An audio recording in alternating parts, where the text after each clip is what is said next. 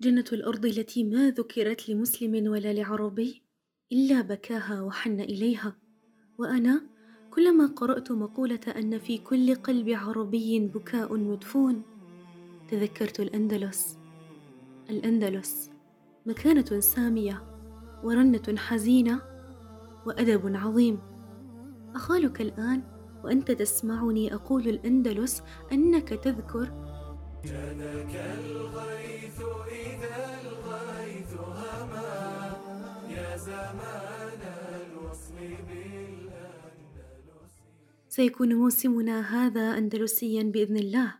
لن نسرد تاريخ فتحها ولا المعارك فيها بل سنمر على لمحاتها. فنقطف من كل بستان من بساتين الأندلس زهرة من أدبها من علمها نسائها وفنها.